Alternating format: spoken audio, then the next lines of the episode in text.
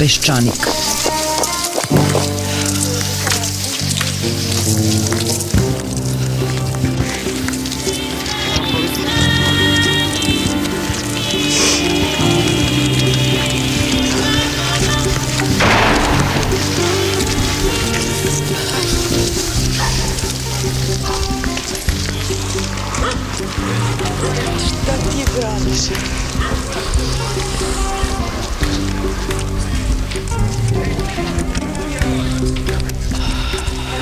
Peščanik.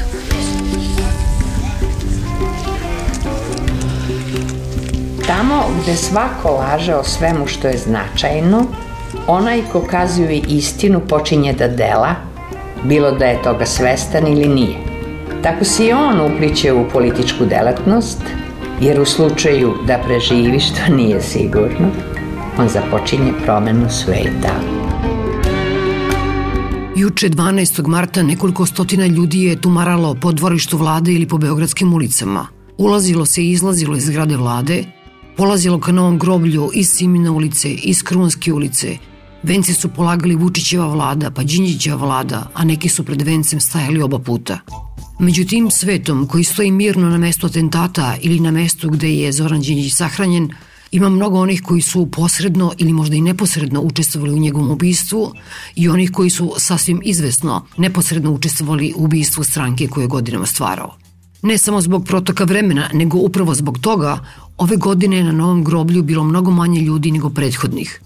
Mnogi ljudi su godinama svakog 12. marta izlazili na ulice jer su na taj način želeli da pošalju poruku da se neće zadovoljiti činjenicom da su Ulemek i Zvezdan Jovanović u zatvoru, svesni činjenice da su oni povukli oroz, a da naručioci ubistva sede u svojim vikendicama, vilama, u zgradama raznih državnih ustanova – 12. mart nije i još uvek ne može biti dan sećanja na Đinđićev život, na ono što je uradio i što je mogo da uradi za Srbiju. To je sećanje na njegovu smrt, na atentat. U lažno uzvišenim i tugaljivim izjavama koje smo juče mogli čuti, političku pozadinu atentata pomenula je skoro jedina sestra Zorana Đinđića. I nije više stvar u tome da li će se jednog dana uhapsiti ljudi koji su naručili ubistvo predsednika vlade Srbije, stvar je u tome da te ljude više niko i ne juri – Niko više, posle smrti advokata Srđe Popovića, policiji i tužilaštvu ne postavlja pitanje, a komisije koje je u izbornoj kampanji napravio Vučić i sam Vučić juče nisu imali šta da nam kažu. Aleksandar Vučić nam je do duše poručio da u buduće više ne smemo da se delimo. Ne znam za u buduće, ali u prošlosti, ne tako davnoj, delili smo se na žive i mrtve, na ubice i žrtve, a on izgleda očekuje da i jedni i drugi stanu u kolonu iza njega i da budu članovi njegove zamišljenja vlade nacionalnog spasa. Dokle god se bude mislilo da je moguće mešati žrtve i ubice, neće biti ni spasa, a uskoro ni nacije. U današnjem Peščaniku slušat ćete delove iz filma Atentat naša privatna stvar, koji smo prvi put emitovali 12. marta pre četiri godine. U emisiji će govoriti Vladimir Beba Popović, Srđa Popović, Vesna Pešić, Žarko Korać i Dubravka Stojanović. U snimanju filma nam je pomogla i glumica Mirjana Karanović.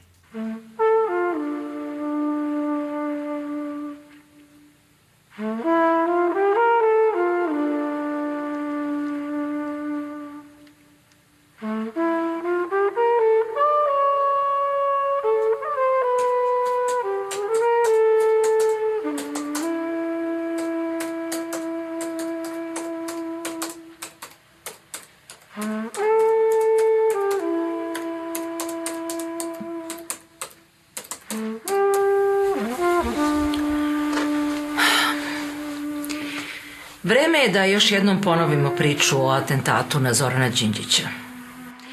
Za razliku od našeg pravosuđa, za razliku od njegove stranke i njegovih ministara, mi je znamo na pamet. Naš posao je da uzaludno ponavljamo očigledne istine. To su istine o raznim užasnim događajima koji nisu smeli da se dogode. Slobodan Milošević nije morao da dođe na vlast. Jugoslavija nije morala da se raspadne u četiri rata – Genocid u Srebrenici je morao da ostane nezamisliv. Beograd je mogao da bude samo grad bitefa i festa. Zoran Đinđić je trebalo da ostane u Nemačkoj, nosi naočare, predaje filozofiju i nervira Habermasa. Mogli smo da budemo normalni ljudi. U trenutku kada pada Berlinski zid i cela istočna Evropa kreće ka 21. veku, mi odlazimo na Gazimestan, vraćamo se 600 godina unazad i pitamo se sučim ćemo pred Miloša. I izlazimo pred njega sa Slobodanom Miloševićem. On će Srbima vratiti nacionalno dostojanstvo koje im je oduzela Jugoslavija, pri čemu ni oružane bitke nisu isključene. I to nam se dopalo da nas se ostali jugoslovenski narodi plaše. Bio je to fantastičan provod. U stvari dali smo odobrenje za ratove 90-ih. Tada smo napravili izbor koji je uticao na živote miliona ljudi. I nasilnu smrt mnogih. Jer nije svejedno kako umiremo. Tada smo mogli da postupimo drugačije. Posle je bilo kasno. Posle smo morali da srušimo sve one gradove i pobijemo sve one ljude, i žene i decu, pa da onda i nas ubijaju. Morali smo da osvajamo teritorije, pa da ih gubimo. Srbiju su onda morali da dođu stotine hiljada izbeglica. Morali smo da siromašemo i propadnemo na svaki mogući način. I NATO je na kraju morao da nas bombarduje da bi nas zaustavio. Kao kada osobi u histeričnom napadu moraš da opali šamar da bi se smirila. Toliki je bio naš zanos. Toliko smo morali da činimo ono što smo činili. Đinjić bi rekao, to je istorija. Zrno koje je raznelo njegovo srce doletelo je iz ratova 90-ih. Taj metak je putovao godinama. Ispaljen je u Vukovaru. U niskom letu je prozviždao celom dužinom Straduna. Preleteo iznad glava sarajevske dece – Danima vrebao po šumama oko Srebrenice, kružio nad kolonama albanskih izbeglica, skrenuo na sever, 5. oktobra zastao među nama u Beogradu, zumirao Zorana Đinđića i od tada ga pratio do kraja.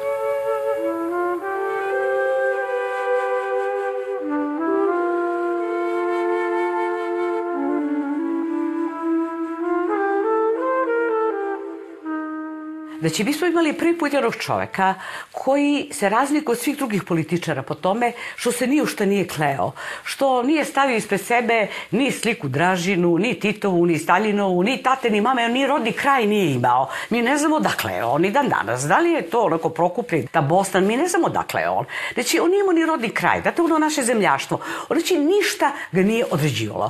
Tako da, On je rekao, nema iznad mene autoritet, nego o svemu moram da razmišljam i da to razložim na nekakve sastavne delove i da vidim da to ima, da to ima nešto dobro, nešto što može da se iskoristi, da popravimo neku našu situaciju. Znači, on je maksimalno bio pozitivan. A Zoran nije teo da bude druga Srbija. On je teo da ovo vodi, on je teo da to menja. On je otvoreno rekao da hoće da prekodira našu kulturu.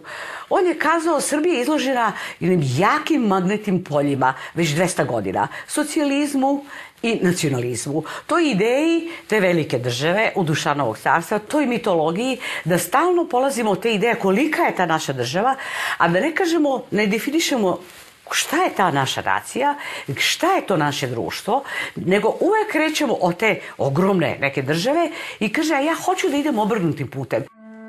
Kada je ubijen 12. marta 2003. već smo bili izašli iz istorijskog zanosa i bili sposobni za normalnu ljudsku reakciju. Donosili smo cveće ispred vlade na mesto atentata, palili sveće i plakali. Vratili smo se kući i nastavili da plačemo. Ridali smo nad sobom, kao da nam je Tek njegova smrt pokazala da su naši životi uništeni. I kada smo jednom počeli, više nismo mogli da se zaustavimo. Sve nas je stiglo. I Vukovar, i Sarajevo, i Srebrenica, i ubijena deca, i narođena deca, i deca u inostranstvu. Sve smo to sada prvi put opširno oplakali. Bilo mi je strašno da čujem da je, da je Zoran ubijen. To je izazivalo u meni nekoliko godina posle toga jednu strašnu žalost, najiskreniju žalost koju sam osjećala. Onda i kad sam odlazila na taj grob kad dođe 12. mart, videla sam da postoji jedna autentična potresenost zbog smrti Zorana Đinđića, koja ne može da se odglumi. Kad god se ode na to groblje, uvek se vidi da neki ljudi sa nekom da su oni tu došli, da dolaze tu da odstoje, da misle, da spuste neki cvet, I to je taj deo priče gde ja, evo, ne mogu da ga preželim.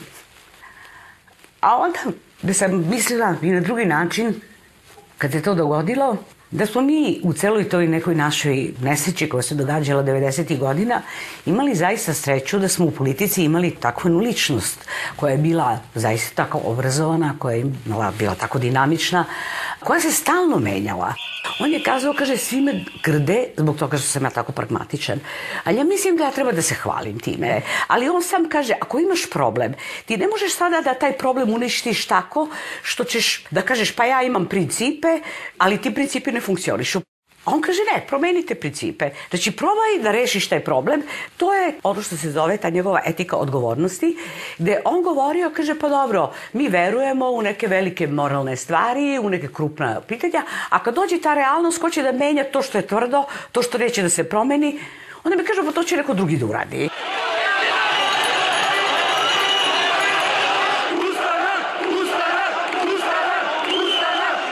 Ja sam uvek taj događaj videla isključivo kao puč.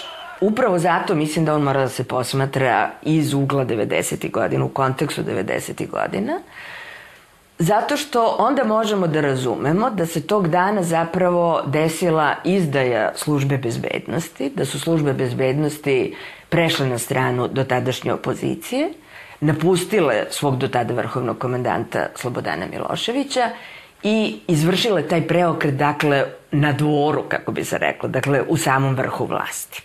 I ono što je ključni argument u razmišljanju o 5. oktobru kao puču jeste ono što se desilo posle 5. oktobra, odnosno činjenica da upravo te institucije sile i upravo te bezbednostne strukture nisu bile rasformirane sve do 2001. godine kad je Đinđić preuzeo vladu Srbije. Prema tome, to posle 5. oktobra jasno svedoči o tome da je cilj samog 5. oktobra i prelaska tih struktura na stranu e, do tadašnje opozicije upravo bilo da se očuva taj aparat sila. Zbog toga mislim da je neophodno posmatrati 5. oktobar u kontekstu, ovom užem istorijskom kontekstu, dakle u kontekstu 90. godina, jer onda tek možemo da dođemo do toga šta je on znači, zašto je bio izveden taj puč. I onda možemo da dođemo do tog objašnjenja da je to bio pokušaj da se uklanjanje Miloševića pod jedan spase program, program koji je Srbiju odveo u ratove, da se spasu strukture koje su taj program sprovodile, da ne dođe do suđenja, da ne dođe do saradnje sa Hagom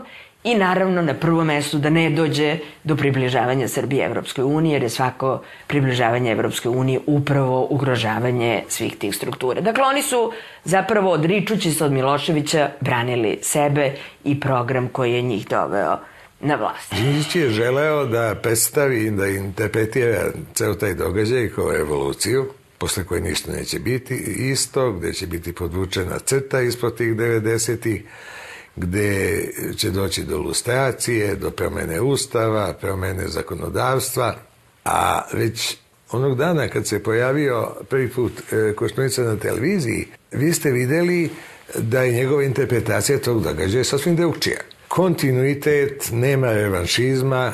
Milošević je se uvažava kao predsednik e, najbrojnije opozicione stranke.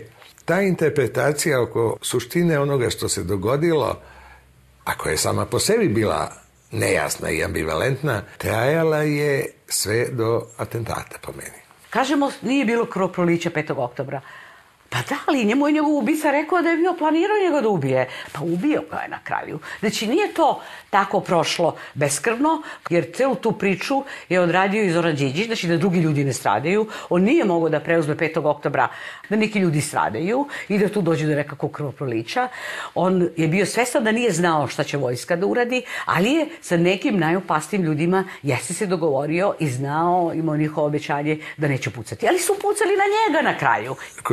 Koštunica se opira o tome da se unapred odredi Đinđić kao mandatar vlade, a sam je odlagao da prihvati kandidaturu nekoliko dana i po mome mišljenju u to dobe je vršio konsultacije sa ljudima koji su i simbolično i stvarno predstavljali taj bivši režim. Zanimljivo je to što je rekao sad kad je bilo 10 godina 5. oktobra što je rekao Zoran Živković. Zoran Živković je rekao šta smo mogli da radimo? Da li smo mi mogli da tražimo dve revolucije? Mi smo sad srušili Miloševića, kako da kažemo, daj ruši i Košturicu. I on kaže, kako da objasnimo bilo kome? Kako da objasnimo narodu? Kako da objasnimo bilo, svetu? Sad se i svet zalepio za našeg pobednika, predsjednika države, koji je došao na mesto Miloševića. Kako da kažemo, ne, ni ovo ne valja, ajde da i njega rušimo. I naravno to je proizvodilo veliko trenje i ceo taj period do atentata označen je frontalnim sukobom Koštunice i Đinđića, koji imaju potpuno dve različite koncepcije, nepomjeljive koncepcije. I o budućnosti zemlje, i o odnosu prema prošlosti, i o spoljno-političkoj orijentaciji te nove države. U najvažnijim pitanjima oni su bili stvarno sukobljeni ne kao ličnosti, mada i kao ličnosti, važnije ideološki sukobljeni, politički sukobljeni. To je se ispoljavalo ja mislim, ispoljilo prvi put kod e, Prede Miloševića, koju je se Koštunica iz dubine duše suprotstavljao, a naravno i njegova baza. A mislim da je Koštunica i pokazao šta mu je baza kada je sprečavao smenu Radeta Markovića. E, za to vreme, prema iskazu jednog svedoka na suđenju, on je 24 puta se suseo sa Radetom Markovićem u tom kratkom periodu od tri meseca. Šta je radio Rademaković za to vreme? On je iskoristio to vreme da uništi dokaze o svim nezakonitim postupcima i svim zloupotrebama službe, odnosno većini, čime je Koštunica zadužio celu službu i recimo i JSO koji je svašta radio tokom 90-ih i vrhove vojske koji se prevlače takođe kroz dokumentaciju službe. Dakle, to je on morao od tih strukture odmah biti prepoznat kao čovek kome treba verovati. Mi smo tada tražili da krenu smene od načnika bezbednostne službe, odnosno tadašnje državne bezbednosti, Radeta Markovića i Pavkovića. Mi smo glasili više puta, jednoglasno, bilo je uvek 17-1, samo je Koštunica bio protiv. Obojci, inače, ljudi su osuđeni pravosnažno, jedan u Hagu, jedan u Beogradu. E, te ljude zadržao. Koštunica, to ne može biti slučajno. Znači, neki dogovor je napraviti. Znači, imate dogovor neki s Miloševićem koji mi tačno ne znamo. Imate neki dogovor s Rusima koji mi ne znamo. Šta radi Ivanov sutra? Zašto je on doleteo? ministar spoljne posla Rusije. Zar nije bilo logično da on vidi lidere DOS? Ne, on se samo s Koštunicom nalazi. Posle toga imate dogovor sa Radetom Markovićem, imate dogovor sa načelnikom generalštaba. Znači imate četiri ličnosti s kojima se Koštunica praktično već dogovorio. Rusi, načelnik generalštaba, načelnik državne bezbednosti i Slobodan Milošević. Sve kasnije što se dešavalo, to je obstrukcija, bukvalno Koštuničina, da Milošević bude izručen kao. Jedan sved, drugi svedok je svedočio na, na sudu da se Nalić, da Gadimir Nalić, čovek vrlo blizak Koštunici, čovjek, visoki funkcioner u to doba Demokratske stranke Srbije, bio doveden u jedinicu za specijalne operacije gde je održao jedan govor, predstavljen je kao budući ministar unutrašnjih poslova, on je bio kandidat DSS-a i koji je to prilikom njima rekao, držite se vi Vojislava Koštunice, sa Koštunicom nema hal. Oni su praktično ti koji vladaju državom, oni su ti koji postavljaju svoje ljude, oni su ti koji utiču na izbore predsednika, vlasti i tako dalje i tako dalje bilo da to rade kroz svoje, svoje službe, bilo da to rade, što mnogo češće rade, van institucionalno, bez obzira što će svako od njih, znači svakoga od njih da pitate kakve veze ima vojna služba, oni će reći nema nikakve veze vojna služba. Mi nikad nismo radili dosije političkih protivnika. Mi se nikad nismo bavili. Pa čime su se bavili? Kad su ih najurili iz Slovenije, kad su ih najurili iz Hrvatske, kad su ih najurili iz Bosne, kad su ih najurili iz Krajine, gde god da su bili su ih oni su došli u Beograd. Čime su se tih nekoliko hiljada ljudi bavili? Šta su oni to radili? Nisu se bavili. Ma nije tačno. Bavili su se i oni su bili praktično glavna pretorijanska garda režima vlasti Miloševića. Oni su ti ljudi koji su napravili ratove bivše Jugoslavije. Da je Ljiljana Nedeljković bila zadužena za njih i za taj, ne znam, bataljon ili kako se već zovu, e, tih hiljadu i ne znam koliko. Da je Zoran Đinđić to saznao kad je došao u Vašington i kad je u Vašingtonu e, mu tamo u State Departmentu su rekli pa kao vi iz budžeta Srbije, vi ste premijer, iz vašeg budžeta se plaća, ne znam, 1600, 1700 oficira Vojske Republike Srpske, od kojih ne znam koliko, šta, zločini i tako dalje i tako dalje. To su institucije države države koje ne smeju da se diraju i koje su iznad nas. Mi smo prolazni. E, I Zoran Đinđić, i vi, i ja, i svako živ na ovom svetu je prolazan. I Vojislav Koštunica je prolazan. I Emir Kusturica čak, verujte. Ali vojska nije prolazna. Imate ubistva koja su se dešavala u vojci. Situacija s Topčiderom. Kako je moguće da ne postoji, e, evo, 5-6 godina posle toga, posle svega kad je dokazano? Zašto? Da se ne bi otvorila gardijska brigada koja je leglo i jezgro zločina od 90. godine do 99. Zašto? Zato što je to elitna motorizovana brigada, gardijska brigada koja je oslobodila Vukovor. Mi smo taoci, praktično država Srbija je od dana pada Vukovar taoc te grupe bandita, koji možda nisu bili banditi. Ja ne znam kakvi su oni bili pre toga. Ja stvarno ne znam. Ali znam kakvi su to ljudi posle. Od Gvera, od Pandurovića, od Šlivančanina, od komandanta Bojovića, koji je bio komandant u vreme kad je hapšen Milošević, koji je sprečavao i obstruisao na sve moguće načine da policija uđe u zgradu Miloševićevu, onu vilu Mir, da može da mu uruči sudski poziv, ali je zato prethodno pustio Sinišu Vučenića i 50 naoružanih privatnih civila, poluludaka, pijanih, drogiranih i tako dalje, sa dugim naoružanjem da uđe u zgradu.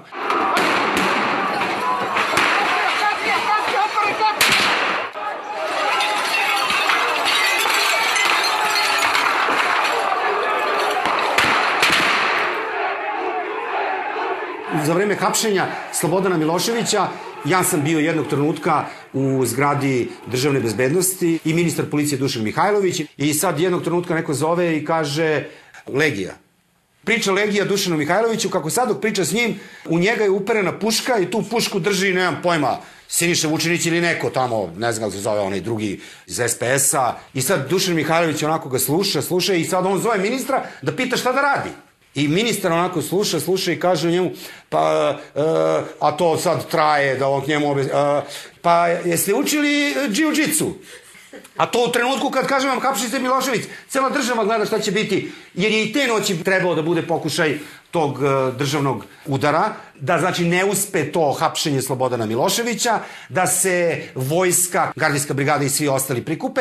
Jedino što im je falilo i što nisu uspeli, to je što su oni očekivali da će se skupiti 100.000 ljudi i da će doći 100.000 ljudi da brani Slobodana Miloševića. I onda će odatle da krenu na policiju, policija će se preda, pošto su to sve njihovi, kao isto kao ono 5. oktobra, mi nećemo da bijemo narod. Prvi javni sukob nastao je oko izrečenja Miloševića.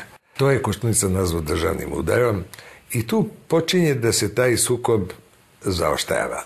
Sukob onda eskalira jer počinje da dobija elemente nasilja.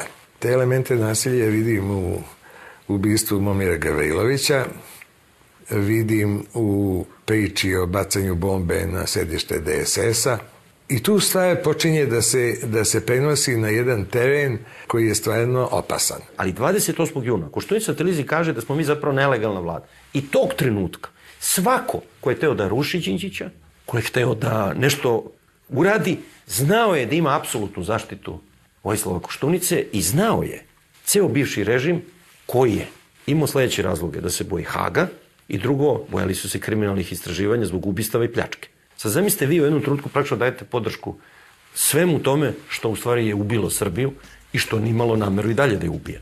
Sledeći trenutak je pobuna crnih beretki.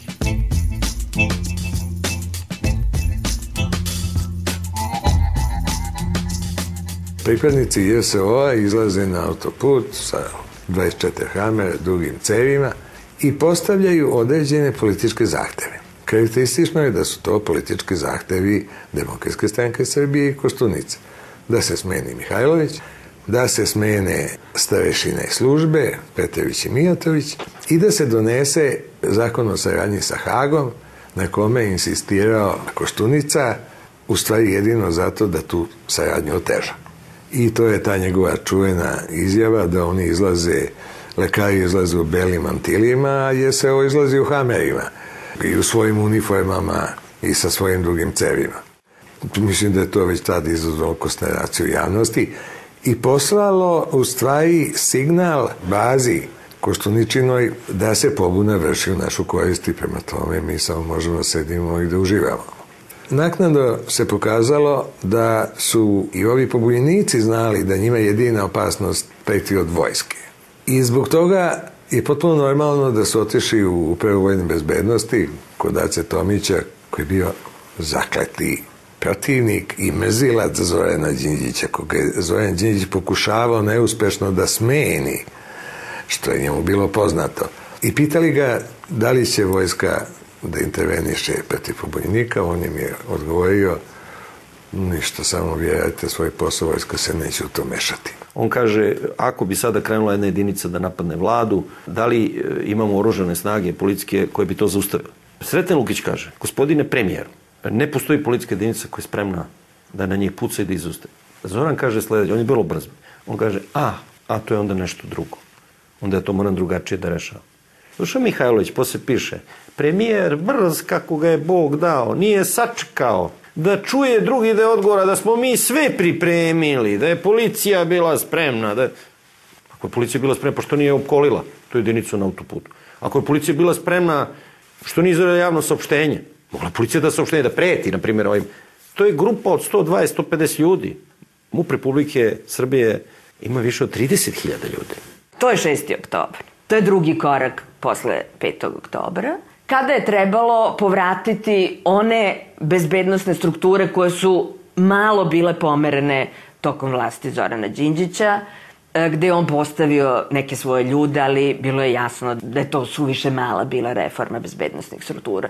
Ta pobuna crvenih beretki jeste ključni događaj i mnogi s pravom o tome govore, zato što se već iz načina na koji su stajali ti ljudi na mostu videlo ko su gospodari situacije i oni su zapravo stajali u skladu sa svojom političkom ulogom koja proizlazi iz 5. oktobra kao puča. Dakle, oni su zapravo tada došli na vlast i oni su to jasno pokazali svojim izlaskom na Beogradske ulice. Da tu pobunu crvenih beretki možemo tako tumačiti, e, najjači argument je ono što se desilo posle te pobune. Dakle, mi uvek kao istoričari moramo da pogledamo posledicu, ona nam objašnjava unazad šta se desilo. I posledica vrlo jasno o tome govori. Dakle, smenjeni su ljudi koje je Đinđić postavio u bezbednostnim strukturama i dovedeni su oni koji su pučistima zapravo odgovarali.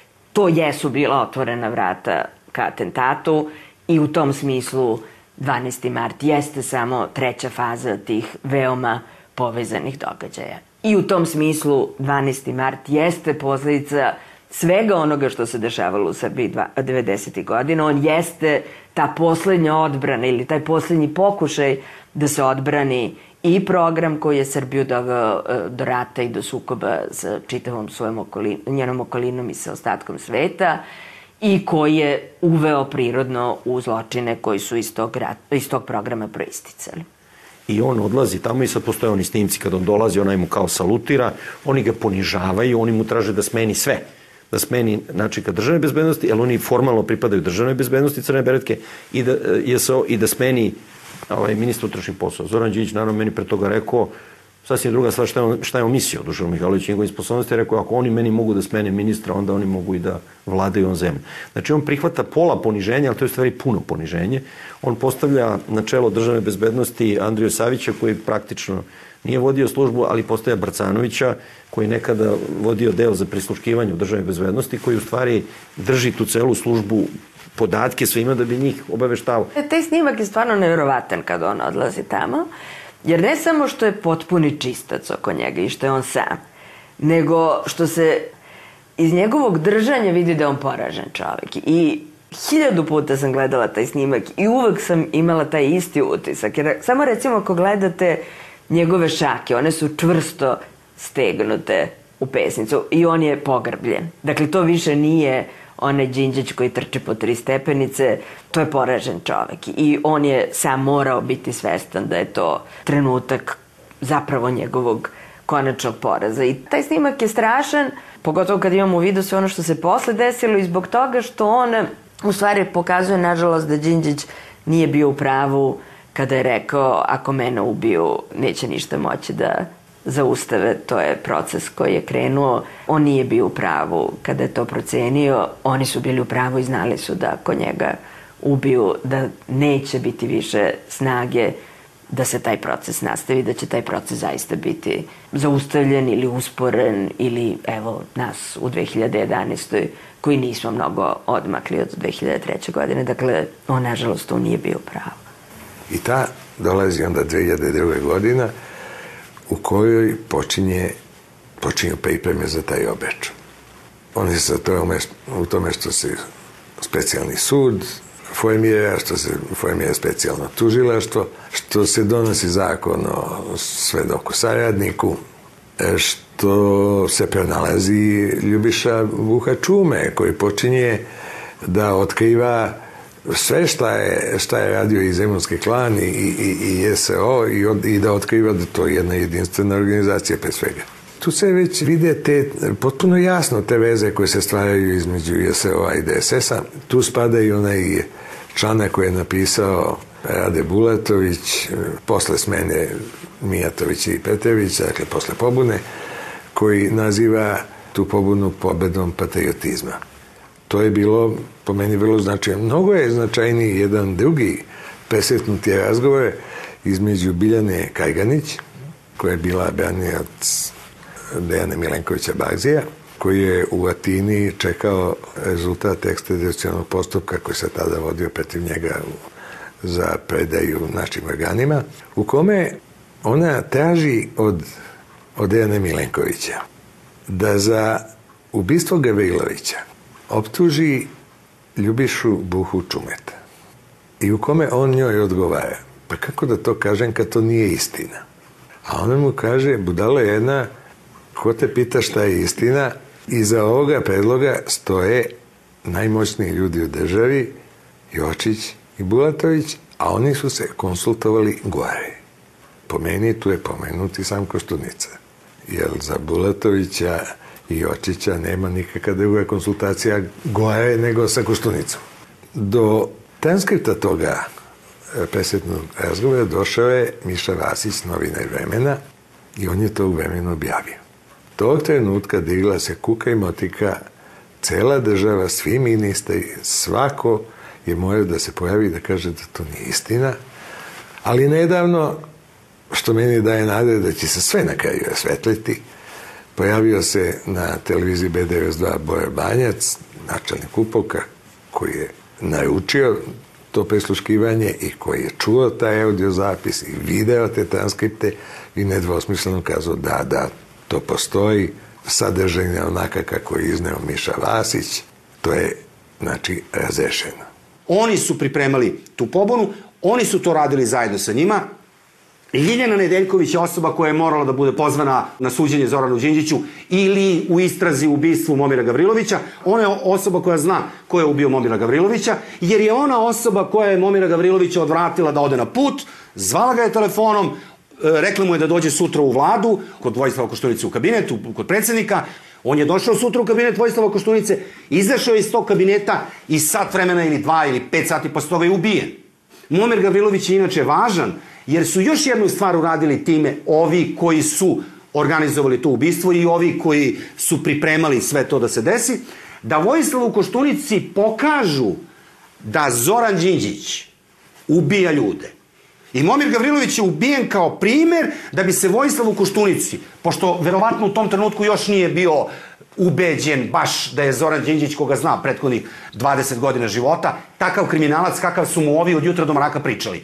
Tijanić, Nalić, Rade Bulatović, Aco Tomić, cela ta banda koja se ugurala u taj kabinet, Jočić, Maršićanin i tako dalje, koja od jutra do mraka pila i kad u 10-11 dođe Koštunica su već pijani, sačekaju ga i počnu teorije zavere i trovanje protiv njega. Zoran je ovakav, Zoran je ovakav, Zoran je ovakav, Zoran je onakav.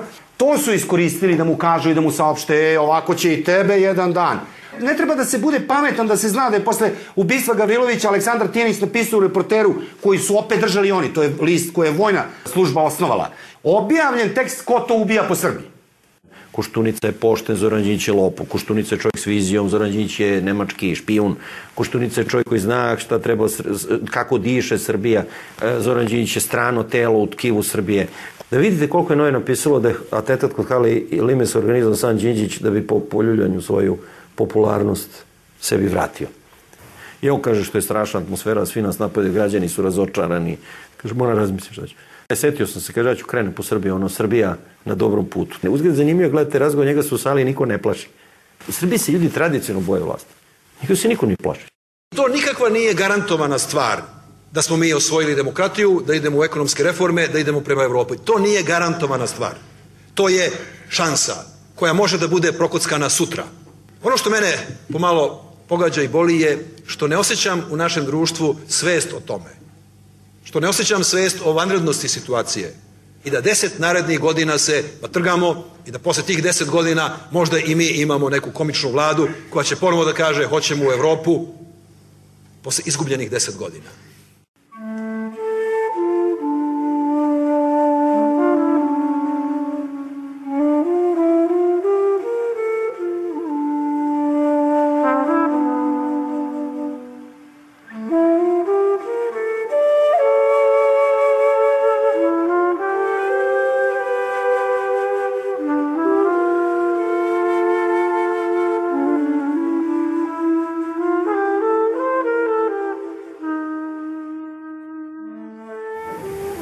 Silazio sam stepenicama, čuo galamu, video premijera kako leži. Strčao sam dole. Podigao sam glavu sa prednje strane, nisam video krv. Onda sam ga raskupčao, poderao sam mu dugmat, košulju, kravatu. I tada sam na njegovoj desnoj strani, ovde ispod revara, video rupu. I tek kada sam ga podigao da ga umijem, desnu ruku sam zavukao ispod njegove leve plečke. I onda sam osetio tu ogromnu rupu i odvaljeno komad tela sam ga podigao, unili smo ga u auto, stavio sam mu glavu u krilo. Mislim da je premijer već tada bio mrtav.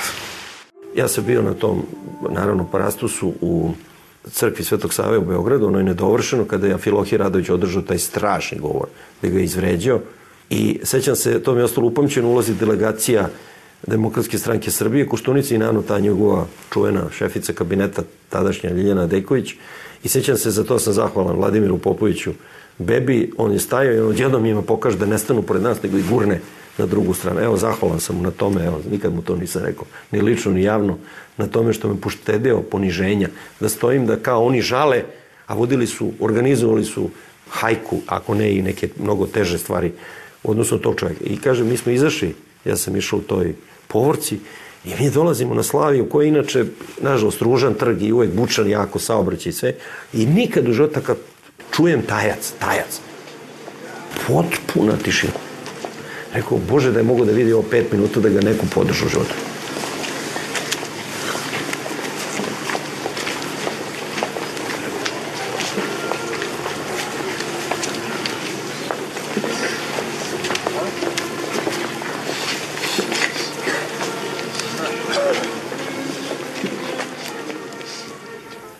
Nismo razumeli trku sa vremenom koju su trčali Đinđić i njegova vlada. Izgledalo je da oni pobeđuju. Smijali smo se kad nam je Đinđić rekao da su mu potrebni ljudi koji preskaču po dva stepenika i da mu je potrebno 100.000 takvih da bi promenio Srbiju. Govorio je da nema potrebe da ga volimo, da mu se, ako nećemo da radimo, sklonimo s puta, da mu nisu potrebne poglavice, nego indijanci. Bio je to čudan odnos. On je podrazumevao da se u svemu slažemo sa njim, a nama je laskalo što on misli da smo vredni tolikog truda. Ali naglas smo govorili da je stvarno dosadan sa tim zahtevima, trči, skači, plivaj. On se ponašao kao da je svemoćan i besmrtan, a nama je bilo zgodno da u to poverujemo. E, bilo nam je zgodno da poverujemo i da je pekao vola na palama i da je canetovim avionom leteo za Dubaji. Puštali smo ga da sve radi sam i gledali ga i slušali sa zavišću i divljenjem.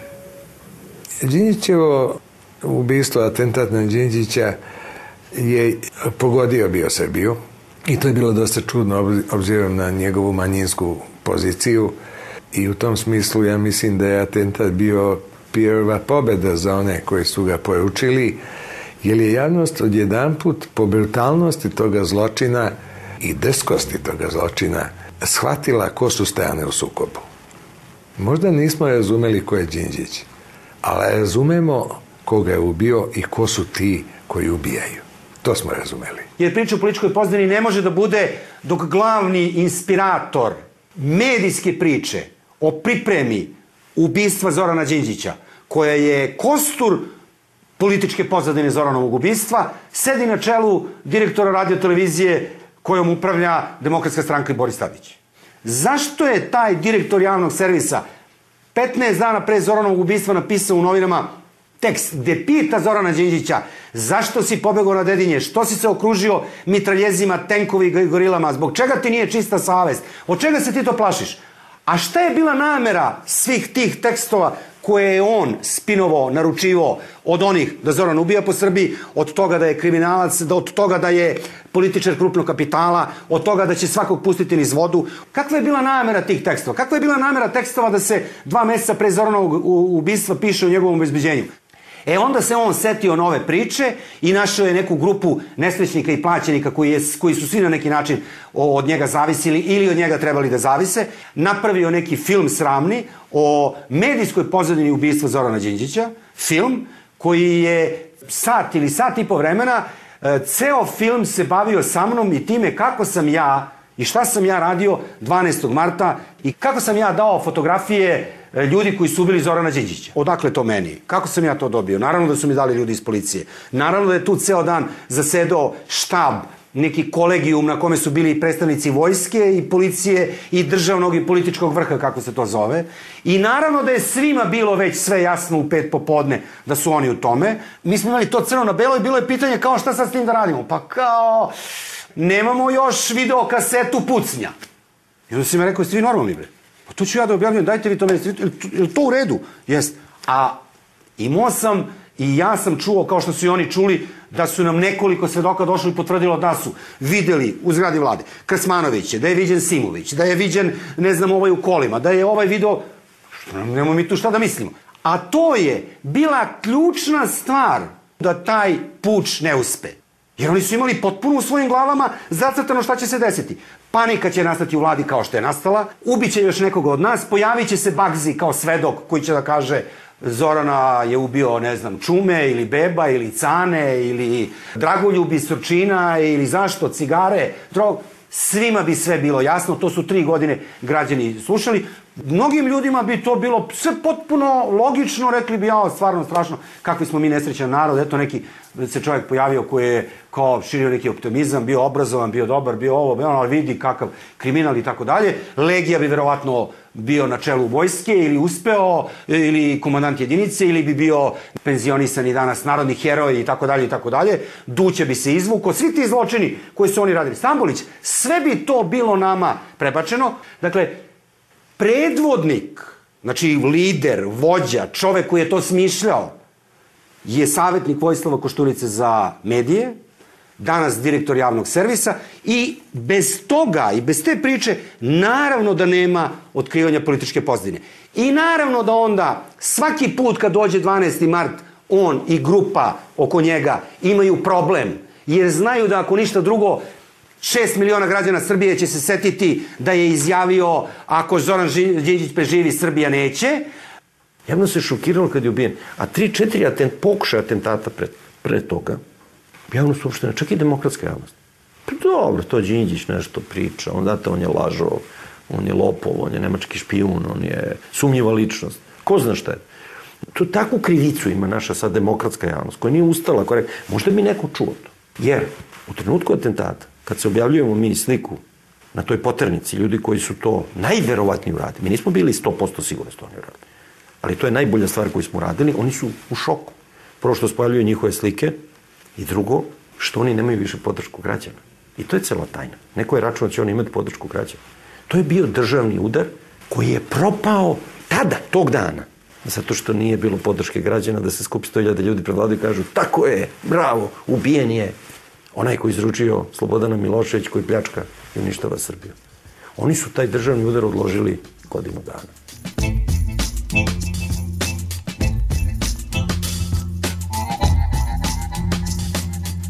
Čim je počeo taj postupak, iz redova DSS-a počele su kritike i zamerke. Od te priče da Jočićeve da treba pravosnažnu optužnicu ukinuti u stvari i vratiti sve u stadijum istrage, pa izjave načelnika javnog resora da je optužnica na staklenim nogama, pa izjave Nalića da je to montiran proces, da su ga montirali upravo oni koji su i ubili. Dakle, oni se bukvalno stavljaju tu na stranu optuženih. Kada je predat u Lemegi, oni se utrkuju da objasne javnosti da to što će reći Ulemek, to će biti cela istina. A onda kad se Ulemek konačno pojavi na suđenju i da svoj prvi iskaz, vi vidite šta je ta istina. Ta istina je njegova izmišljotina koja se pokazala tokom postupka izmišljotina, da je on zajedno sa Čedom Jovanovićem švecao 600 kg heroina, tako što su njegovi pripadnici njegove jedinice u eonilačkim modelima to plovili Dunavom, neka njegova tipična bajka, ali ona se izriče u trenutku peseničke kampanje. I pesenička kampanja DSS-a onda triumfalno nastavlja tu priču, eto dokaza da su oni mafijaši. I Čeda i cela vlada. Dakle, ne krije se uopšte više da oni žele da osujete taj postupak. Dakle, imate sa strane DSS-a prvo onaj poziv o kome sam govorio Nalićev držite se vi kostunice, nema Haga, jel? Pa onda imate to njihovo učešće u Eužanoj pobuni, pa onda imate demonizaciju Đinđića sve do atentata preko lažnih pisama Bilj i Ljiljane Buke o tome da je on mafijaš. I na kraju, kada počne postupak, imate obstrukciju postupka, koja u onom trenutku kada SS konačno dođe na vlast, postaje stvarno drastična. Jer onda Marko Kljajević, koga je za predsednika, predsedavajućeg veća specijalnog suda koji sudi atentatorima dovela Živkovića vlada, izlazi iz suđenja sa objašnjenjem da se na njega vrši neviđeni pritisak. Tužioca Radovanovića, koji vodi postupak, koji u, u sudnici vodi postupak, hapse sa objašnjenjem da je on odao državnu tajnu svojoj sobstvenoj ženi. Ili je kazao da neki sudija Vrhovnog suda na merama zbog sumnje u korupciju, što se posle pokazalo i tačno. Majaš, drugi zamenik, po mom mišljenju videvši šta se događa, izlazi sam. Mediji su puni priča o trećem metku, o ledenom metku. Ubili su ga Albanci, ubili su ga Hrvati, ubili su ga strane obaveštejne službe. Spasojević i Luković, onaj kum, su likvidirani u Meljaku da ne bi otkrili ko stoji iza, iza atentata. Ali imate razne druge stvari koje su se u tom sudskom procesu desile, tipa jedan od ključnih svedoka iz JSO-a koji je formacijski bio zadužen za pušku iz koje je ubijen Zoran Đinđić i koja je bila u JSO-u, i zna se po dokumentaciji da je bila u JSO-u, a koja je na kraju nađena, naši, otkopali su je članovi zemljskog klana koji su rekli da je s njom ubijen Zoran Đinđić i utvrđeno i tako dalje.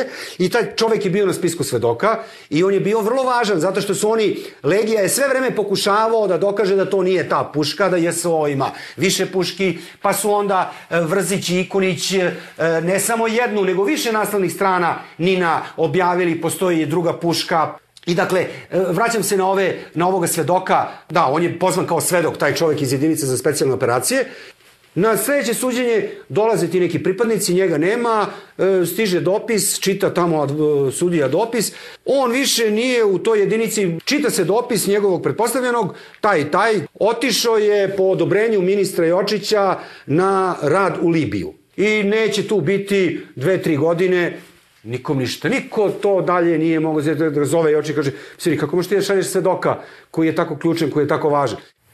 Puška iz koje sam pucao Zorana Đinđića je dobra. U okvir staje 25 metaka. Iz crne torbe sam odabrao dva pakovanja klasičnog šiljatog zrna 308 Winchester. Čekali smo tri dana. Dođemo oko 10 sati ujutru i tu budemo do 2-3 popodne. Prozor je otvoren i stavljeno je šareno ćebe tamnije boje. Ja sam sedeo u nekoj fotelji. Ništa nismo jeli. Samo sam ja pušio i cigarete gasio u neku kutiju koju sam držao u džepu. Pušio sam Davidov. Na tom spratu su kancelarije, čuju se glasovi. Aci javljaju da Đinđić stiže. Ja sedam na stolicu. Ne mogu da me vide. Cev samo malo viri. Dolazi kolona. Zaustavlja se Đinđićev auto, a momak iz obezbeđenja iznosi štake. Ne mogu da pucam od tog momka. Pozicija za pucanje se stvara tek kad Đinđić dolazi blizu ulaznih vrata. Čudno je okrenut, nekako sa strane. To je delić sekunde, moment za pucanje. Pucam jednom, hoću da potvrdim pogodak, pucam drugi put. Nije mi bila namera da pogodim tog momka. Nisam imao vremena da gađam Đinđića u glavu, jer je vrlo kratko bio otkriven. Za likvidaciju Đinđića mi nije obećana nikakva materijalna korist. Ja za novac to nikada ne bih učinio. Ja nisam kriminalac. Ovo ubistvo je za mene političko. Jer sam smatrao da će se time sprečiti dalje slanje ratnika i istinskih patriota za Hag, da će se sprečiti rasturanje JSO-a i Srbije, zbog toga što je Hag, po mom mišljenju, jedna od najvećih sramota istorije Srbije. Te neke priče ko je isključio kamere i zašto se nije prošao na ta vrata su potpune gluposti. I ako su postojale kamere, ja ne verujem da su imali videorekordere gde se to snimalo. Ako su imali videorekordere, ja ne verujem da su bili ispravni. Ako su bili ispravni, ne verujem da su imali kasete. Jer to je, znači, zgrada takva u kojoj je sve bilo provizorijum. Ali ono što je važno oko obezbeđenja Zorana Đinđića, to se niko nije bavio. A to je, zašto je šef Zoranog obezbeđenja Keza podneo ostavku 10-15 dana pre nego što je Zoran ubijen? Zašto je ne samo on, nego još najmanje dvojica, ako ne i trojica ljudi iz obezbeđenja Zorana Đinđića, koje je dobio iz državne bezbednosti, iz te šeste uprave, u poslednjih mesec dana pred Zoranovo ubistvo podnelo ostavke. I nije dolazilo na posao. Ali to, Saša Bijelić vozač i Milan Veruović, lični telohranitelj Zorana Đinđića, su to od Zorana Đinđića krili i Zoran Đinđić je ubijen, da nije znao da je imao dvojicu ljudi manje u obezbeđenju. Krili su iz dva razloga. Jedan što e, su se plašili Zoranu da govore ružne vesti i što mu ništa nisu govorili poslednjih jedno 5-6 meseci njegovog života od njegove sekretarice, pa nadalje niko šta god je bila neka ružna vest, gledali su da mu to ne kažu, da, to da mu to kaže neko drugi. A drugi razlog uh, je trivialne prirode, ali uh, ne manje značajan, a to je što su njih dvojica koristili njihove dnevnice, koje su oni dobijali. Jer vi, pored plate koju imate, kad obezbeđujete premijera i radite taj dan, imate i dnevnicu za taj dan. Te dnevnice nisu male. Za mesec dana dvojica ljudi dnevnice, to je kao dve ili tri plate. Ja ne mislim kad ovo kažem da su oni e, svesno hteli da unište bezbednost Zorana Đinđića. Ni najmanje. Ali smatram da je u nekom ubistvu predsednika vlade, kao što je to, bilo neophodno da se istraži i kako je to njegovo obezbeđenje bilo. I zašto su ti ljudi napuštali U redu, niste rekli, plašili ste se, niste rekli, zadržali ste pare, ajde, nema veze. Ali Zašto su ti ljudi napustili? Jeste se pitao ti kao prvi telohranitelj i ti kao njegov vozač, zašto ti ljudi idu? Pa zna se zašto. Zato što je ceo grad već u veliko pričao da ta grupa sprema da ubije Zorana Đinđića. Zastupnici oštećenih i ja stavili smo predlog prvo da se proširi istega na krivično delo oružane pobune. Drugo, da se ispita uloga političkih faktora. Da se pojave kao svedoci Bulatović, Jočić, Koštunica, Tijanić, da objasne neke, neke svoje postupke, da objasne postupke, da nam pomognu da razumemo taj atentat u njegovoj društvenoj i političkoj dimenziji. Ne sudi se tu za ubijstvo. Njima se stavlja na teret krivično delo udruživanja radi vršenja neprijateljske delatnosti i ubistva najviših predstavnika vlasti. To je politička optužba. Ništa od toga nismo mogli da utvrdimo.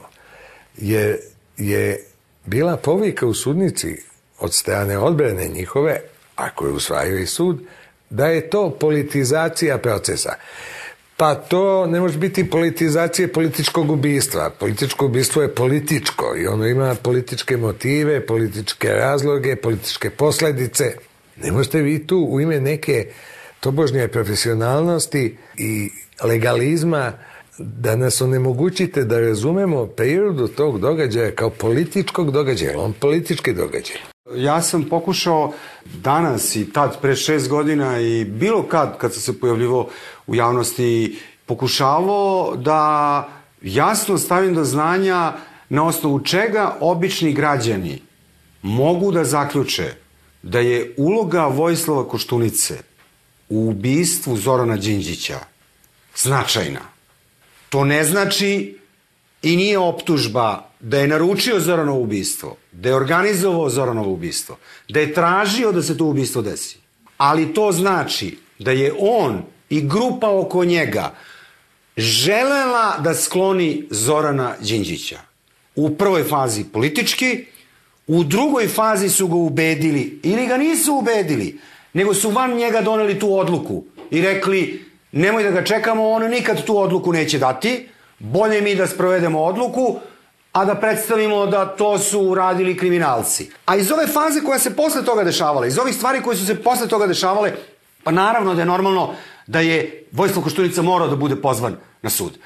Ono što je neophodno da se kaže, to je da je čitava moderna istorija Srbije od 1804. do dakle 2003. godine određena nasilnim političkim prevratima i ubistvima vladara. Izuzev kneza Miloša i Josipa Broza Tita, svi drugi vladari u Srbiji bili su ili nasilno sklonjeni sa vlasti ili ubijeni. Od Karadžorđa do Zorana Đinđića. Ako je to tako, ako ste vi partijska država i ako institucije ne funkcionišu, onda je jasno da je taj politički protivnik, da je taj politički drugi uvek samo neprijatelj. Ako je politički drugi uvek neprijatelj, onda je prema njemu, kao što su govorili u Skupštini početkom 20. veka, dozvoljeno primeniti sva sredstva i onda je sasvim logično da prevrati revolucije i politička ubistva predstavljaju suštinu tog sistema. Dakle, ne radi se o iskliznućima, što bismo mi mogli da zaključimo ako bismo 5. oktobar ili pobunu Beretki ili 12. mart gledali izolovan. Ali ako ih gledamo u ovom užem ili u širem kontekstu, i onda vidimo da to nisu iskliznuća, već da su naprotiv oni taj sistem i da oni sistematski proizlaze iz jedne situacije u kojoj prevladava predmoderna politička kultura koja u političkom protivniku ne vidi saradnika na ostvarenju programa opšteg dobra, već političkog neprijatelja prema kome je legitimno upotrebiti sva sredstva uključujući i političko ubistvo. Stalno nam fali Zoran, stalno nam taj motor fali koji će stalno da nas gura u tu dinamiku. Jer sve što je on bio, to je bila jedna čista dinamika. I to je njega užasno nervirao, taj naš srpski nihilizam, pa ne možemo sad i malo da spavamo, ajmo malo u kafanu, ajmo malo pevačice, ajmo malo ovo, ono. Mislim, i ona Trnova Ružica, koja je bila jedna od najlepših izreka Zorana Đinđića, kaže, vi biste da spavate, pa kaže, spavali ste, pa naredi sto godina biste da spavate. Pa onda Trnova Ružica, pa da dođe princ da vas poljubi, pa da vas probudi posle sto godina. Mi nemamo vremena za novih sto godina. Ako vi mislite da vi možete sa jednom potpuno upropašćenom zemljom za godinu dana da uđete u situaciju da dođete u banku da uzmete kredit pod normalnim uslovima, ja se bojim da ste vi promašili zemlju. Otiđite u Švajcarsku pa ćete dobiti kredit takav kakav hoćete.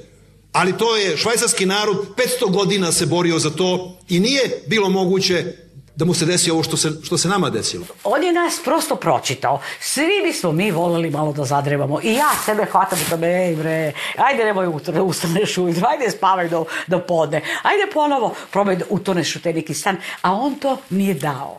Kada je došao na vlast 2000. godine, Srbija je bila jedna zapuštena ledina gde su živeli neki ljudi u slivovima tiha reka, Save, Dunava i Mojave, kako bi se to valda opisalo, ali da to u jednom smislu nije bila nacija. Jer nacija podrazumeva jednu političku zajednicu. Nacija je politička zajednica, za razliku od naroda, koji je jedna biološka kategorija, tako reći. Jel? A nije bila nacija jer ona nije imala nikakav državni koncept.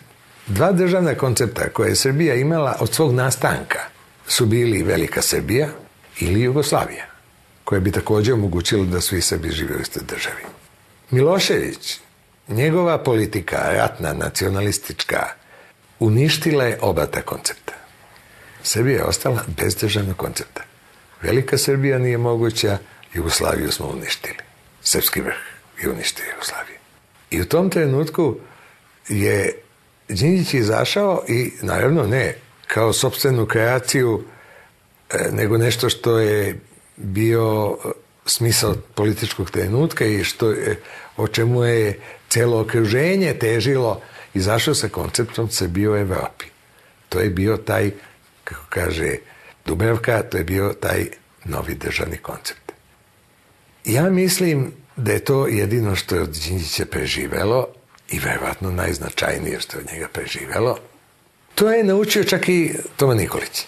Ni on se ne usuđuje da se toj osnovnoj Đinđićevoj viziji da se suprestavi. On je, posle Bagzija, njemu je bilo potpuno jasno da će to pokušati. Naročito kad se posle Bagzija otkrilo putem slušanja ovih i upoređivanja baznih stanica i određenih brojeva da su ga pratili na Koponiku i da je ispred Skupštine sve ono što su kasnije ovi svedoci potvrdili da su to bili e, pokušaji različitih vrsta atentata na njega. On je verovao da oni imaju nameru da pokušaju to da urade, ali je bio ubeđen da oni to neće uraditi jer je to sve u toj državi tako traljavo. Kao sa ovim videorekorderima koji ako postoje, nemaju kasetu ili nemaju kabel, nestoje kabel, neko odnao kući kabel i nije ga vratio i ne može da snima. I to je ta poslednja faza njegove vladavine koja je počela negde od jeseni 2002. godine je bila faza kad je on već praktično bio spreman da digne ruke, ali je znao da to ne sme da uradi. Kad je on već bio strašno izmoren tom količinom blata koje je na njega bacano od 5. oktobra pa do tog dana, svaki dan, u svim medijima, od svih mogućih i prijatelja i neprijatelja, na sve moguće načine. I ta energija koju je on imao i potreba i taj optimizam da kao nemoj da se bavimo time, on je prestao da čita čovjek novine. On je gledao televiziju, on je gledao fashion kanal kad dođe kući, da bi glavu odmorio. Ali to, ja sam gledao televiziju i čitao sam novine. A to što on nije radio ne znači da se to u Srbiji nije dešavalo. I onda, kad se ujutru vidimo i kad mu ja kažem, jesi video sad ovo, Ljilja Buha, on je bežao od toga. Jednostavno više, jer pa nema čovjek tu šta da kaže. Pa je onda kao, oni se bave time zato što mi njima ne dajemo dovoljno dobrih tema. Ajde mi sad zovem i vatrogasce, idemo na Novi Beograd da pričamo građanima jer je on vidio u Nemačkoj. Ja sam to nekoliko puta rekao, on je živo u jednom drugom vremenu koje nije bilo ni za Srbiju, niti je bilo za 2000. godinu. Onako, kao da je u nekoj vremenskoj kapsuli se desila neka greška i ubačen je da se rodi u neko pogrešno vreme i da sazri u to neko pogrešno vreme i zato je i sklonjen iz tog vremena, ostranjen. Ja ne volim da sam pravo. Ja volim da sve što sam ja danas rekao je pogrešno, da je on bio kriminalac, koga su ubili njegovi sarenski kriminalci i Srbija se oslobodila zla. Na Srbiju bi bilo bolje da je tako. Ali nije tako. Stvar je onako kako mi govorimo. Da objasnim ko smo to mi. Mi smo ljudi iz gradova, iz malih i velikih varoši, civili, građani. Mi smo ta srpska srednja klasa o večitom nastajanju i nestajanju, ono što je Srbija napabirčila od svoje javnosti. Mi smo to njeno nejako društvo. Nema nas mnogo. Nismo jako pametni i hrabri, sebični smo i privatni. Volimo da idemo u shopping, na more, volimo da lepo ručkamo, viđemo prijatelje, školujemo decu. Volimo komfor i naravno ne podnosimo nasilje. Mi smo prirodni neprijatelji rata, a to su veliki zahtevi na Balkanu. E, tokom ratova 90-ih mi smo te zahteve ispostavljali Miloševiću. Skrivali smo decu od mobilizacije i izlazili na ulice. Zvonili smo zvončićima, pištali u pištaljke, bubnjali u bubnjeve, lupali poklopcima i šerpama u vreme njegovog TV dnevnika. Poricali smo stvarnost rata, jer nije imala gde da nam stane. Bili smo kao Gandhi bez vere i kondicije. Proleće je, a ja živim u Srbiji. Osim par dobrih slogana, naš realni doprinos za ustavljanju ratova bio je ravan nuli. Ali mi nikad nismo pristali na rat i to smo zvali pobedom. Ubistvo Zorana Đinđića je jedini poraz koji smo morali da priznamo. On je ubijen u miru, po danu, među nama, krvi, nasiljem. Ubijen je na našoj teritoriji, u zemlji i snova srpskog civilnog društva. Ovaj film su finansirali slušalci Peščanika, posvećujemo ga njima i deci koje su otišle iz Srbije. Reći ću vam ime jednog od njih, Nikola Vitas. Nikola živi u Holandiji, astronom je. Njegova specijalnost je naša zvezda, sunce – Svoj doktorat o suncu Nikola Vitas je posvetio uspomeni na Jugoslaviju. Tu je i jedan citat Samuela Beketa. Dao sam sve od sebe. Nisam uspeo. Nema veze. Pokušaj opet. Izgubi opet. Izgubi bolje. There was a boy A very strange enchanted boy They say he wandered very far, very far over land and sea. A little shy and sad of eye, but very wise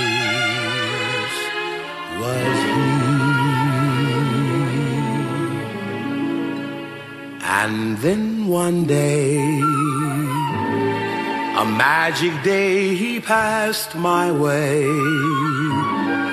And while we spoke of many things, fools and kings, this he said to me. The greatest thing you'll ever learn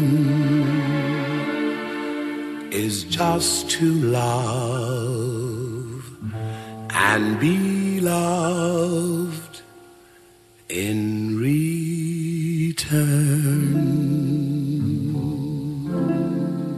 Peščanik